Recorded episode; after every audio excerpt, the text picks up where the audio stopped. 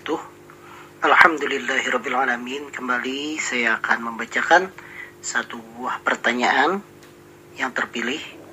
Pertanyaan pada hari ini Yang akan saya bacakan Yaitu dari saudara Fani.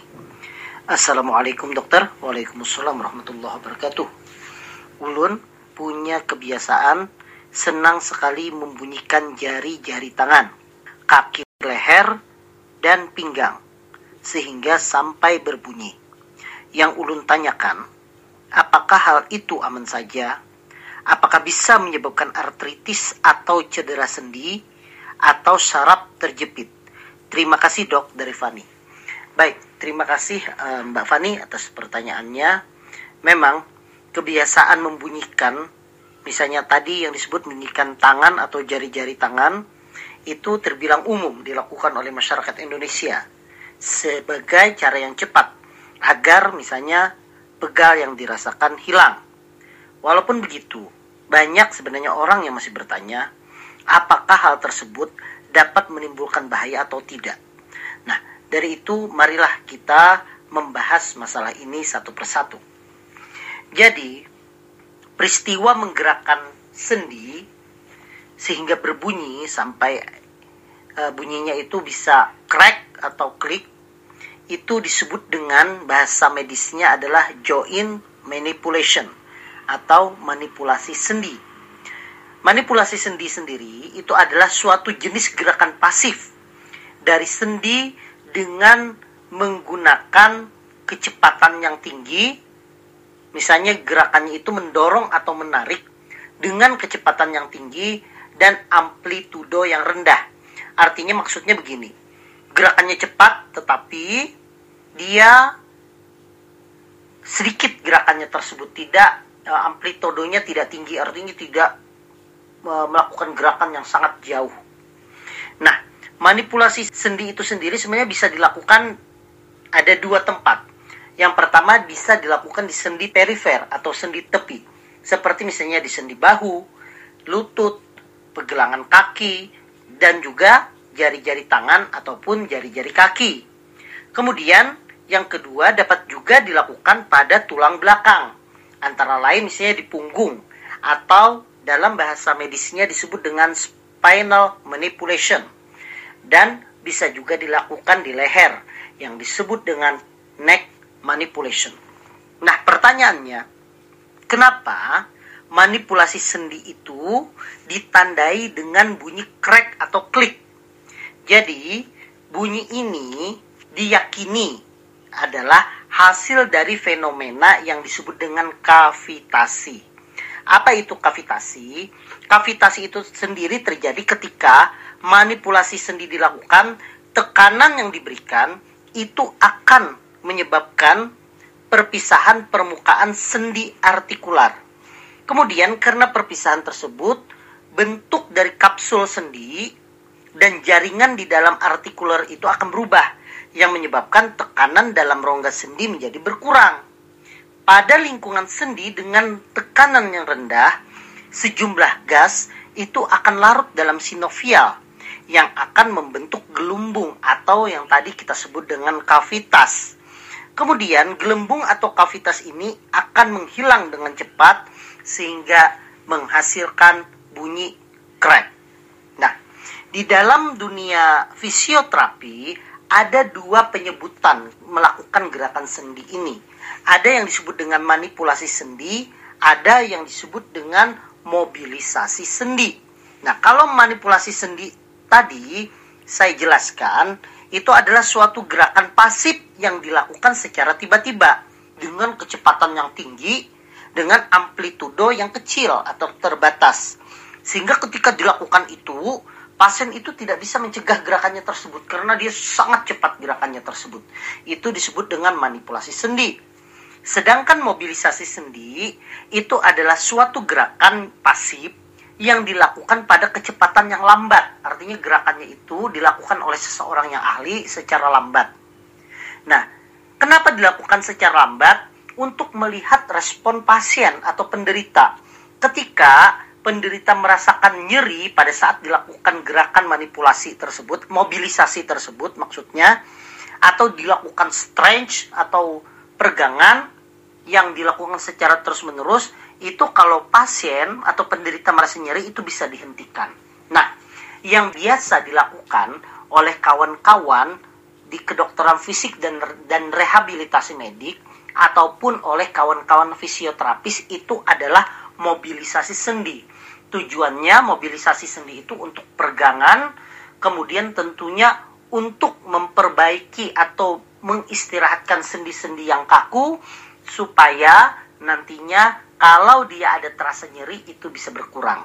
Nah, sedangkan uh, manipulasi sendi sendiri itu masih menjadi perdebatan di di kalangan medis.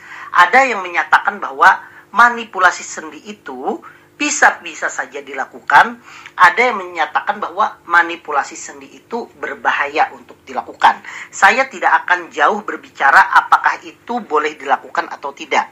Nah, tetapi yang harus diperhatikan bahwa ada salah satu manipulasi yang sebaiknya kita hindari, yaitu neck manipulation atau manipulasi di leher. Kenapa manipulasi di leher itu bisa berbahaya? Karena kalau seandainya manipulasi itu dilakukan pada orang yang mempunyai penyakit-penyakit tertentu, maka itu justru akan menyebabkan berbahaya pada pasien tersebut. Apa saja neck manipulation yang berbahaya dilakukan pada orang-orang yang tertentu atau manipulasi leher itu dilakukan pada orang-orang tertentu yang berbahaya.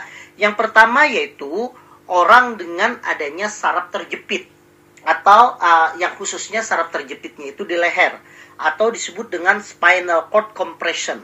Nah, jika manipulasi sendi itu dilakukan pada orang yang memiliki saraf terjepit, maka ketika gerakan dilakukan secara cepat tiba-tiba akan kemungkinan besar terjadi cedera pada saraf besar di leher.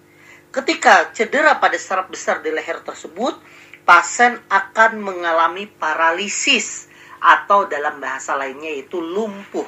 Kalau lumpuh saja oke, okay, artinya pasien tidak bisa berjalan dan sebagainya.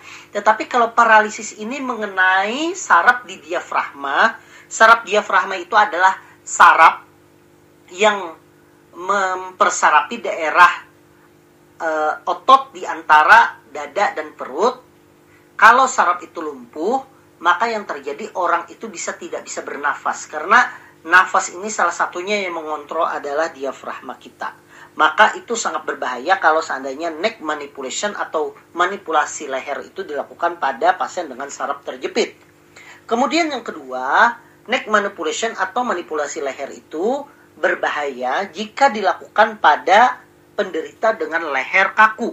Apa itu penderita leher kaku atau dalam bahasa medisnya disebut dengan ankylosing spondylitis yaitu suatu bahwa tulang belakang ruas-ruasnya itu menyambung menjadi satu atau kaku. Jika manipulasi itu dilakukan, itu akan menyebabkan patah tulang dan ketika patah tulang itu terjadi akan mencederai saraf besar di leher dan nanti akan menyebabkan kelumpuhan seperti yang saya sampaikan tadi. Kemudian yang ketiga, sebaiknya neck manipulation itu tidak dilakukan pada pasien dengan osteoporosis. Osteoporosis itu adalah pasien dengan tulang yang kropos. Karena kalau itu dilakukan, bisa saja tulang di daerah leher itu menjadi patah yang menyebabkan justru berbahaya pada pasiennya tersebut. Dan yang keempat adalah pasien dengan riwayat stroke. Nah, jika manipulasi itu dilakukan secara cepat dan tiba-tiba, resiko terjadinya cedera di pembuluh darah arteri leher, yaitu yang namanya arteri vertebral, akan terjadi yang disebut dengan namanya vertebral arterial dissection. Ini menyebabkan adanya terjadinya penggumpalan darah dan jika penggumpalan darah tersebut pindah ke otak itu akan menyebabkan stroke. Sehingga manipulasi sendi itu kalau pada pasien stroke sebaiknya itu harus dihindari. Nah, kemudian pertanyaan yang selanjutnya dari Mbak Fani, apakah bisa menyebabkan artritis atau cedera sendi atau saraf terjepit? Ya, kalau saraf terjepit seperti yang saya jelaskan tadi, mungkin saja itu bisa terjadi kalau seandainya gerakannya itu menyebabkan terjadinya cedera pada tulang belakang sehingga saraf yang melewati tulang belakang itu menjadi terkena sehingga akan menjadikan cedera pada saraf. Kemudian, apakah bisa menyebabkan artritis atau radang sendi? Sebenarnya, secara umum kalau itu dilakukan itu tidak sering, kemudian dilakukan hanya sesekali saja untuk supaya terasa menghilangkan penat, sebenarnya tidak ada masalah. Yang berbahaya itu adalah kalau ini dilakukan sering berulang kali dan kebetulan misalnya sebagai contoh uh, orang tersebut punya asam urat. Nah, kemudian asam urat itu sudah ada di sendi. Ketika dia melakukan manipulasi sendi, kemudian pada saat udara tadi terjadi gerakan kavitas kemudian asam urat masuk ke dalam sendi itu bisa menyebabkan peradangan asam urat.